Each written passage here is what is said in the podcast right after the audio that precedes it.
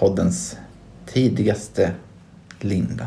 Just det. Lillhällsmåls gryning. Ja, tidernas morgon tänker man på. Nej, men det... Jag minns inte precis vad du sa om den texten om jag ska vara helt uppriktig och ärlig. Det är helt okej. Men jag minns vad jag sa.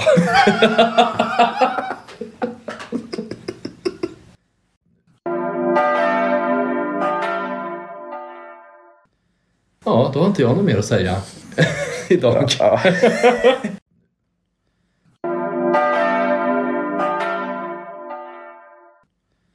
Våga gråta inför Jesus den här veckan. Lyft upp det som skaver.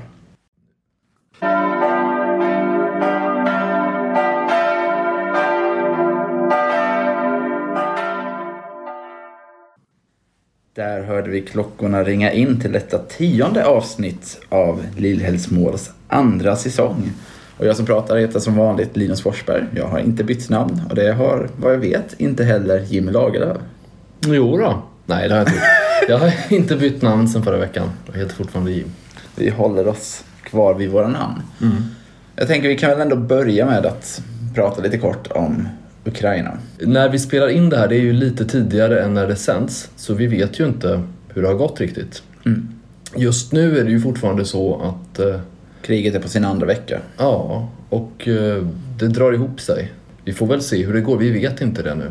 Men vi har ju en känsla i kroppen, av, eller jag har det, av olust och eh, att det här har krupit närmare än vad man någonsin kunde tro. Det är ju jättesorgligt och fasansfullt det som sker. Det är så här, man blir ändå lite man blir tacksam över att, eh, att folk inser hur allvarligt det här ändå är. Man märker ju det liksom på alla kyrkor som mobiliserar mängder med böner.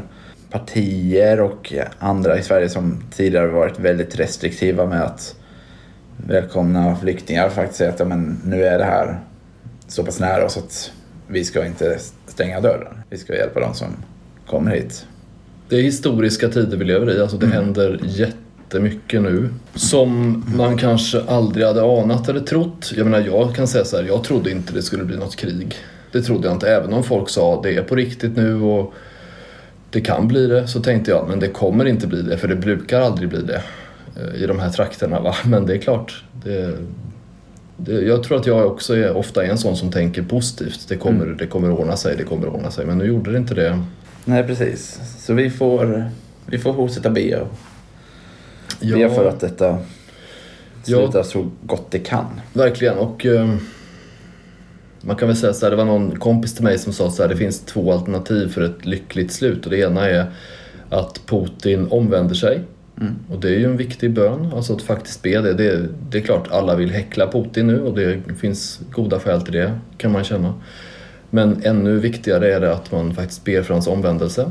Ehm, och sedan, det andra alternativet är ju att han tas av daga eller plockas bort av någon runt omkring honom.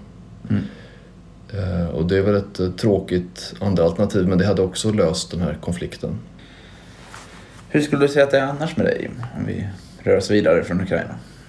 Jo, det är bra med mig. Alltså jag känner ofta så att det är oförtjänt bra. Jag har allting, allting som jag gör är roligt och alltså verkligen. Och nu har fastan verkligen kommit igång. Ja, jag pratade ju om det i förra avsnittet hur mycket jag tycker om fastetiden. Och då, min fru var lite sådär, men om du tycker om fastetiden då blir det ju inte riktigt så som det är tänkt va? Det kanske är, hon har en poäng med.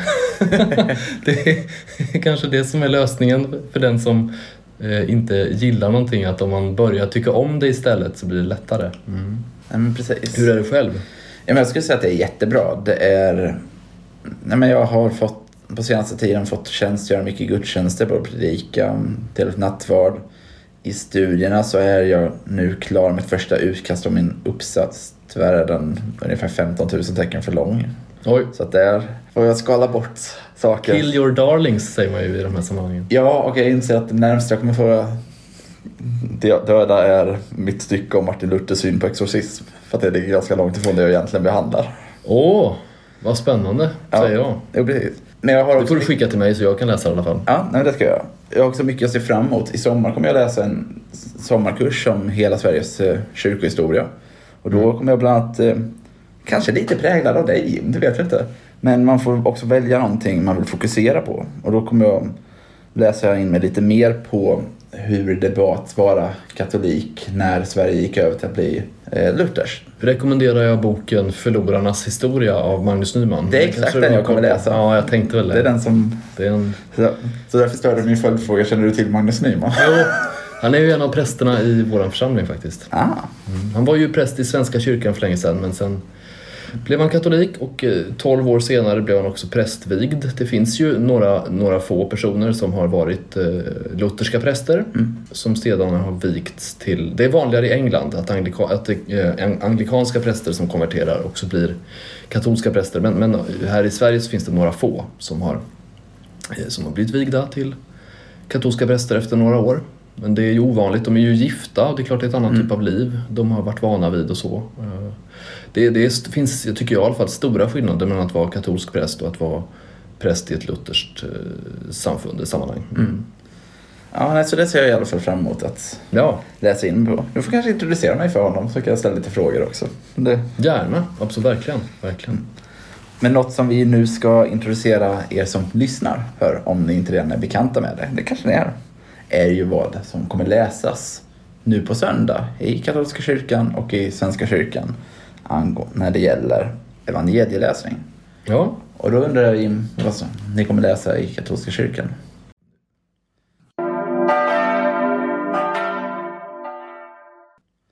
Vi läser i eh, hur eh, Lukas beskriver när Jesus och hans närmaste lärjungar kliver upp på förklaringsberget. Mm. Vi har pratat om förklaringsberget tidigare. I Ja. somras tror jag det var. Precis. du eh, var på praktik. Ja, precis. Jag skulle predika över den texten. Mm. Det var i poddens tidigaste linda. Just det. Lillhällsmåls gryning. Ja, tidernas morgon tänker man på. Nej, men det... ja. För att då var det så här att... ehm, jag minns inte precis vad du sa om den texten om jag ska vara helt uppriktig och ärlig. Det är helt okej. Men jag minns vad jag sa. ja, så kan det vara. Men det ska vi inte prata om nu heller faktiskt, nu tar vi nya tag med den här Ja. texten. Och det är ju det fina med evangelietexten att de är ju så pass djupa att eh, man kan prata om dem om och om igen. Ja men så är det och det är hela grejen. Att, eh, det är samma med kyrkåret, det är ju inte samma påsk som kommer tillbaks utan det är en ny påsk på något sätt. För Herren gör allting nytt på något sätt varje dag. Men eh, okej, så Jesus och hans eh, närmaste Petrus, Jakob och Johannes de klättrar upp för ett berg. Eh, Och det står ju många gånger att Jesus går upp för berg och det gör han ju för att be. Han går upp dit i ödemarken eller i, där, det är, där man får vara i fred för att be. Och eh, han tar med sig den här gången, ofta går han ju själv, men nu tar han med sig tre lärjungar. Och det är lite speciellt alltså. Han har, han har varit och bett många gånger. Man kan tänka att alla de här gångerna har varit väldigt speciella tillfällen för honom. Nu äntligen bjuder han in lärjungarna att vara med på en sån här bönestund. Det är lite speciellt. Och det kan man säga att det är det kristendomen handlar om. Gud bjuder in oss att vara med i sonens bön till fadern. För det är det som händer i, i gudstjänsten på något sätt. Vi ber i Jesu namn hela tiden och det är Jesus som på något sätt eh, prästen, prästen förkroppsligar Jesus när han läser instiftelseorden och, och såna här saker och ber om anden.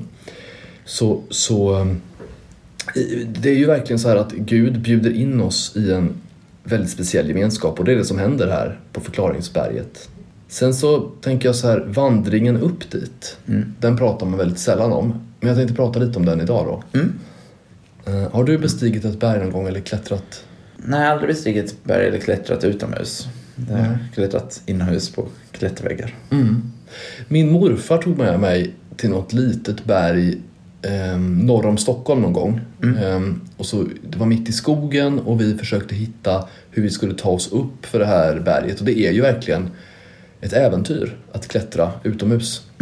Man måste hitta den, den bästa vägen. Ibland måste man vända och gå tillbaka. Man kanske skadar sig, man kanske gör sig illa på något sätt när man klättrar.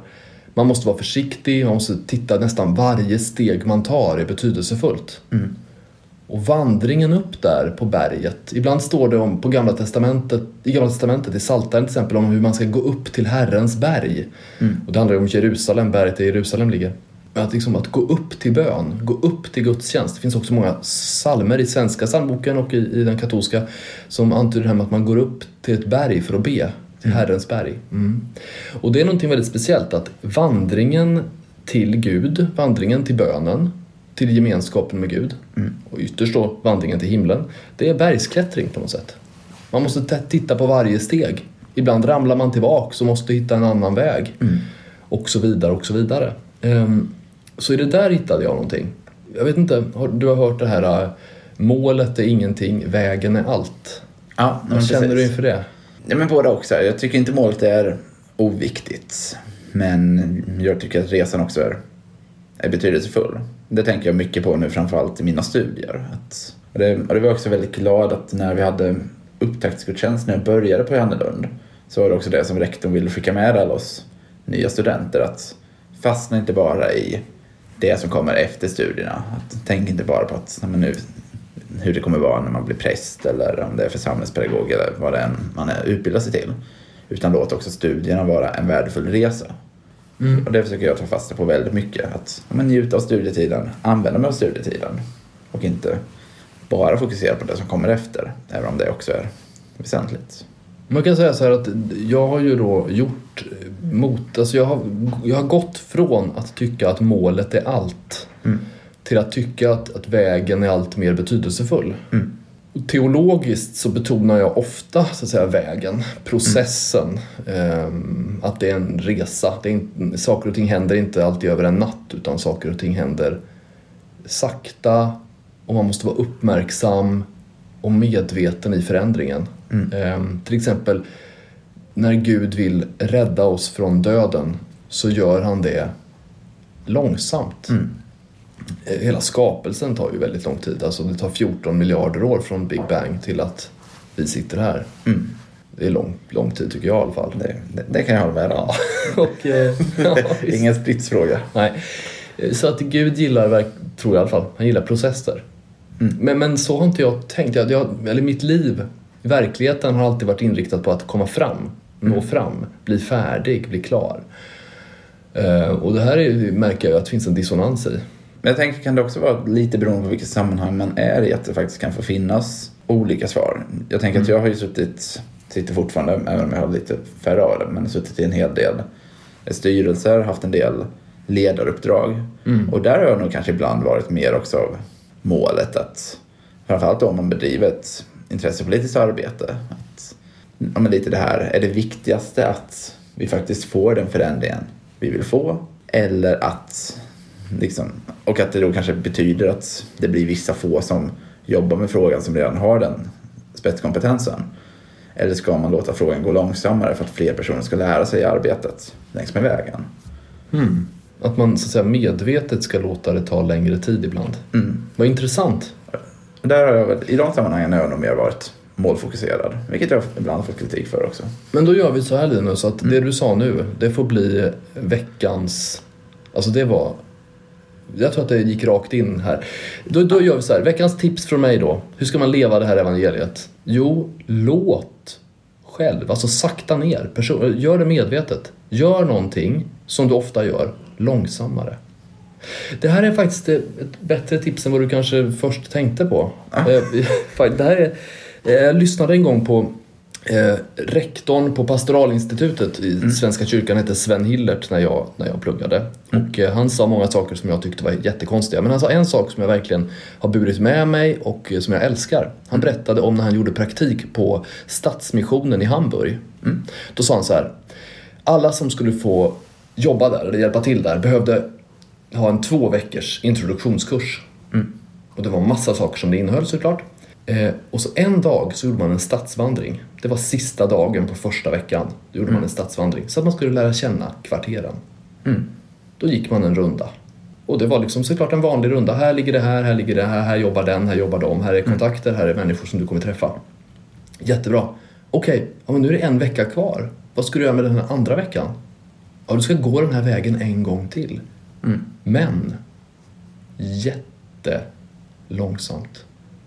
Så att du hinner prata med människor längs vägen, stanna upp, titta dig omkring, vilka finns här? Och liksom verkligen vara i vandringen. Vara kvar i vandringen. Och det här, jag har, jag har försökt ibland leva det där, att göra någonting som jag gör ofta lite långsammare och bli mer medveten. För jag är ju övertygad om att Gud talar genom vardagens händelser och genom nuet och den, att han är den alltid närvarande. Det har jag pratat om några gånger tidigare. Eh, Även i den här podden, för det pratar jag ofta om. Till alla som vill höra. ja, precis. Men, och, men då, just det här att sakta in medvetet, att själv sakta in. Som man ju måste göra när man klättrar i berg. Där varje steg betyder någonting. Vad bra! Vilken, ja, nu blev jag, jag blev jätteglad för Ja. att det passade så bra ihop. Tack så jättemycket Linus. Härligt. Ja, då har inte jag något mer att säga idag. Ja. det tror jag det har. Men nu ska vi gå över till vad som ska läsas i Svenska kyrkan på söndag. Ja.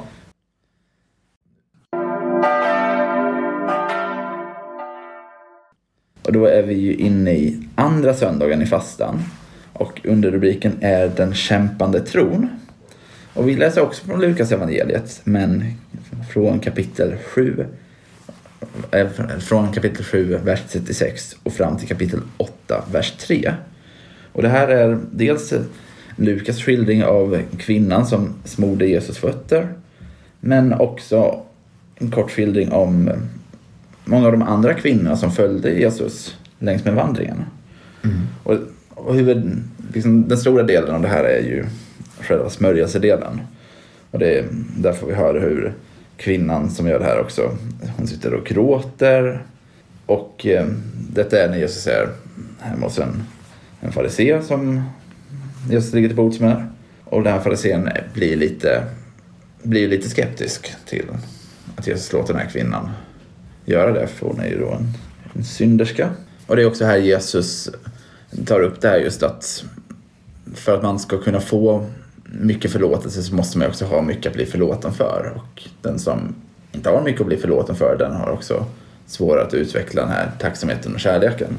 Den som har fått mycket förlåtet kan älska mycket säger han väl i den här Jo, texten, precis. tror jag. Jo, precis. Väldigt speciellt. Mm. Det är inte en självklar sak som man tänker på varje dag. Men Jesus säger att det är så. Jag tänker att det finns eh, några saker här jag vill stanna till vid. Några korta saker en lite större punkt. Och det kortare som jag tycker är spännande det är Lukas skildring att Jesus faktiskt ligger till bords hos en farisé. För vi hittar ju vissa andra evangelier hur det verkligen bara är motsättningar mellan Jesus och fariséer i princip. Ja, ja. Mm. Men så här skiljer i Lukas att det är inte alla fariseer som har den här motsättningen till Jesus. Och Jesus har inte per automatik den här mot, någon motsättning till fariseer. Kanske är viktigt att säga någonting om vad, vad skulle du, om du ska säga vad den här motsättningen eller vad den består av. Vad, vad, hur brukar den beskrivas, motsättningen mellan Jesus och fariseerna? Eller det är väl framförallt från andra håll, liksom, från fariséerna till, till Jesus. Att men de tycker att Jesus kommer med ny lära eller att han, att han syndar genom att eh, ta på sig en profetisk roll fastän han är från Galileen som vi pratade om för några Mm, podd sedan. Gör anspråk på att kunna förlåta synder. Massa sånt som ja, fariséerna, skriftlärda, prästerna menar att det här har Jesus inget mandat att göra. Just det. Och jag tror att anledningen till att jag stannade till vid det här är nog lite kort också den tid vi lever i. Vi pratade lite om Ukraina i början av podden. Och att det är viktigt att någonstans kanske skilja mellan de som styr eller de som är de mest högljudda mot folket i allmänhet. Att jag tror att det är jätteviktigt i vår tid att inte döma ut varje ryss för det som nationen Ryssland, eller framförallt regimen i Ryssland, nu gör. Jag tror att det var det som bland annat gjorde att det här landade lite extra hos mig just här och nu. Att det verkligen är så viktigt att inte generalisera. Bara för att några gör någonting betyder inte det att alla som tillhör den grupperingen hyser samma värderingar. Nej, det kan ju vara så att Jesus också skulle kunna tänka sig att sitta ner och äta tillsammans med exempelvis Vladimir Putin. Mm. i den judiska traditionen så äter man inte med vem som helst utan den man äter med har man också gemenskap med. Men Jesus ja. förändrar det lite grann. Han säger så här att den här, det här är en typ av gemenskap och det här kan ju du som lutheran kanske uppskatta lite särskilt. Det här är en mm. gemenskap som innehåller både så att säga syndare och helgon. Mm. Martin Luther har ju sagt att man är samtidigt syndare och helgon. Eh, och då skulle jag väl säga att ja, det beror på hur man ser det. Mm. Jag nöjer mig med det.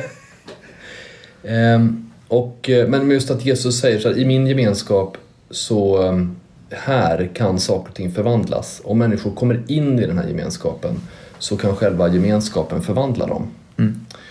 Det ser vi också när han gästar Sakaios, tullindrivaren Sakaios, som ju i och med Jesu inbjudan omvänder sig. Men det finns fler saker som man kan grotta ner sig i. Ja. Och det, jag har läst att det finns en stor debatt kring eh, den här texten. Och där jag inte riktigt vet om vi står på samma sida. Så det kan vara lite spännande att reda ut det. Kul. Skulle du säga att kvinnan som smörjer Jesu fötter fick förlåtelse för att hon hyste så stor kärlek till Jesus? Eller hyste hon sådan kärlek som en konsekvens av att Jesus lät hennes synder? Eh, Okej, okay. jag, jag måste först bara gardera mig och säga så här att det här... Eh, nu kommer det bara direkt från hjärtat ja. vad jag tänker på. Mm. Eh, så att jag, och då tänker jag ju att det är så här att han förlåter henne och därför kan hon visa stor kärlek. Men jag har inget emot, tror jag, tanken på att eh, hon visar stor kärlek och därför får förlåtelse. För det står mm. ju kärleken gör att många synder blir förlåtna i eh, något av breven. Mm. Precis. Så det går säkert att argumentera för både och här. Ja, vad, är skill- vad skulle du säga är skillnaden då? Eller vad, vad, gör, vad gör det för skillnad? Ja, men jag skulle nog tänka, alltså om man tänker i moderna termer, skulle jag säga att det handlar lite om eh, om det är objektiv eller subjektiv försoningslära, det vill säga Jaha. är det Guds förekommande nåd? Kommer, säga, kommer förlåtelsen först? Mm. Eller måste vi vilja ha förlåtelsen och söka oss till Gud Jaha. innan det? Ska jag säga. Och där tänk, som lutheran tänker jag ju då att förlåtelsen kommer först och kärleken blir en god frukt av att vi har Ja, nu förstår jag vad du är ute efter. Ja. Mm. Men om jag säger så här till dig då. Mm. Um, om man inte ber om förlåtelse, kan man då ändå vara förlåten? Det är det här som gör att den här frågan troligtvis har blivit så stor debatt. För att det finns, det finns ju väldigt starka argument från båda hållen. Mm. Om man, för vi i katolska kyrkan betonar ju mm. ångern. Som jo, en, alltså, den, den krävs. Ångern krävs i bikten. Mm. Om inte ångern finns så spelar det ingen roll att Gud förlåter. Alltså det, utifrån Guds perspektiv, Gud förlåter allt. Mm. Men förlåtelse är ju inte en envägs... Det, det, det, är, en, det är något relationellt i förlåtelsen. Va? Alltså, mm. du kommer med ditt, jag kommer med mitt. Du säger din del, jag säger min del. Mm. Det är klart, vem, vem säger först? Det kan man ha en diskussion om. Mm. Gud kan säga, jag förlåter alla allting och jag gör det från och med nu. Eh, jo, visst. Eh, och det, så det gör han, det tror jag. Eh, man kan säga att den förekommande nåden, det beror på vad man menar, men man kan säga att eh, det, finns, det finns ju nåd som omger oss redan från start. Det pratade vi lite grann om alldeles nyligen i någon podd tror jag. Mm. Och, eh, nåden är också gåvan att finnas till, gåvan mm. att leva. Så nåden kommer alltid först i, den bemärk- i många bemärkelser. Men nåden är också Guds svar, tror jag. Eh, till exempel rövaren på korset som vänder sig till Jesus eh, och säger tänk på mig. Mm. Och då svarar Jesus. Eller människor som söker upp Jesus och då svarar han din tro har hjälpt dig och så vidare. Mm. Eh, nej men det där är en jätteintressant fråga. Det beror på vad man vill komma åt tror jag. Mm. Nej men verkligen.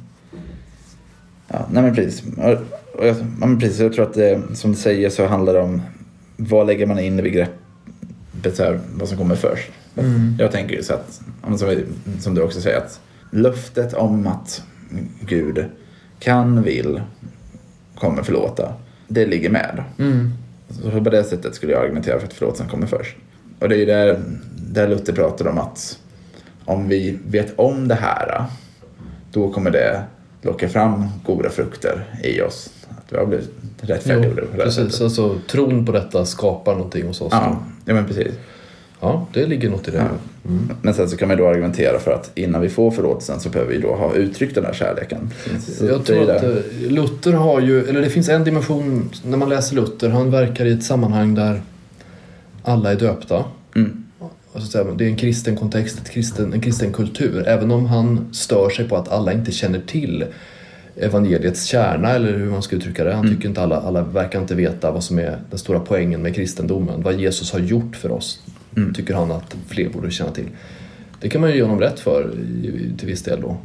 Ehm, sen så är det frågan jag, jag tänker att det är så här att eh, risken med ett tänkande där det alltid är Gud som har initiativet mm. eh, det, är den här risken. Det är att eh, ja, men alla nu då som inte eh, tror, mm. alla som inte vill tro, det är ju inte ett aktivt medvetet val från dem. Är, är det på Guds initiativ, väntar vi på Guds initiativ där? Är det Gud som vill att de inte ska tro? Alltså förstår du? Det, mm. det blir en dynamik där som jag inte riktigt... Eh, jag kan inte lägga det pusslet själv känner jag. Det, det tror jag att vi skulle behöva mer än ett poddavsnitt för att... Ja, vi får fortsätta ja. ansluta till det här samtalet någon gång. jo, precis. Det kanske vi kommer göra. Ja. Jag tänker att en punkt jag vill stanna kvar vid och det är också det som kommer vara det som jag menar att hur vi kan leva evangeliet mm. den här veckan. Och det var att jag fastnade vid att den här kvinnan sitter och gråter framför Jesus att vi har en Gud som vi människor inte behöver visa oss starka inför. Vi behöver inte liksom dölja det som är svagt eller skadat i oss. Eller vi behöver inte dölja våra känslor utan vi får komma med hela vårt liv inklusive bräckligheten, inklusive våra tårar, vår, vår glädje, vårt skratt. Allt det är sådant som Gud har gett oss genom livet och sådant som vi får uttrycka inför Gud. Ja. Så att eh, det som jag skulle vilja säga hur man lever ut evangeliet är att någon gång, för att jag tror att alla vi, vissa lever med det väldigt påtagligt, vissa har det kanske djupare inom oss. Men jag tror att vi alla har någonting i våra liv som skaver. Så jag skulle faktiskt säga det så här, våga gråta inför Jesus den här veckan. Mm. Lyft upp det som skaver. Ja, man, är, man är modig om man vågar göra något som man egentligen inte vågar. Mm som Lille Skutt. Det var ju någon som sa det, alltså Bamse är inte så modig, han har ju dunderhållningen, men Lille Skutt är modig som vågar, mm. trots att han är rädd så vågar han göra både det ena och det andra. Mm. Och det är att gå över den barriären, rädslans barriär. Alltså det finns ju någon som säger så här, var rädd och det är inte Gud. Mm. Och att uh, gå över den barriären då. Ja men precis. Så det ska jag säga. Gråt inför Jesus den här veckan. Och med de orden så är det dags att avrunda denna veckas samtal. Vi är tillbaka om en vecka. Ha det jättefint. Hej då. Hej då.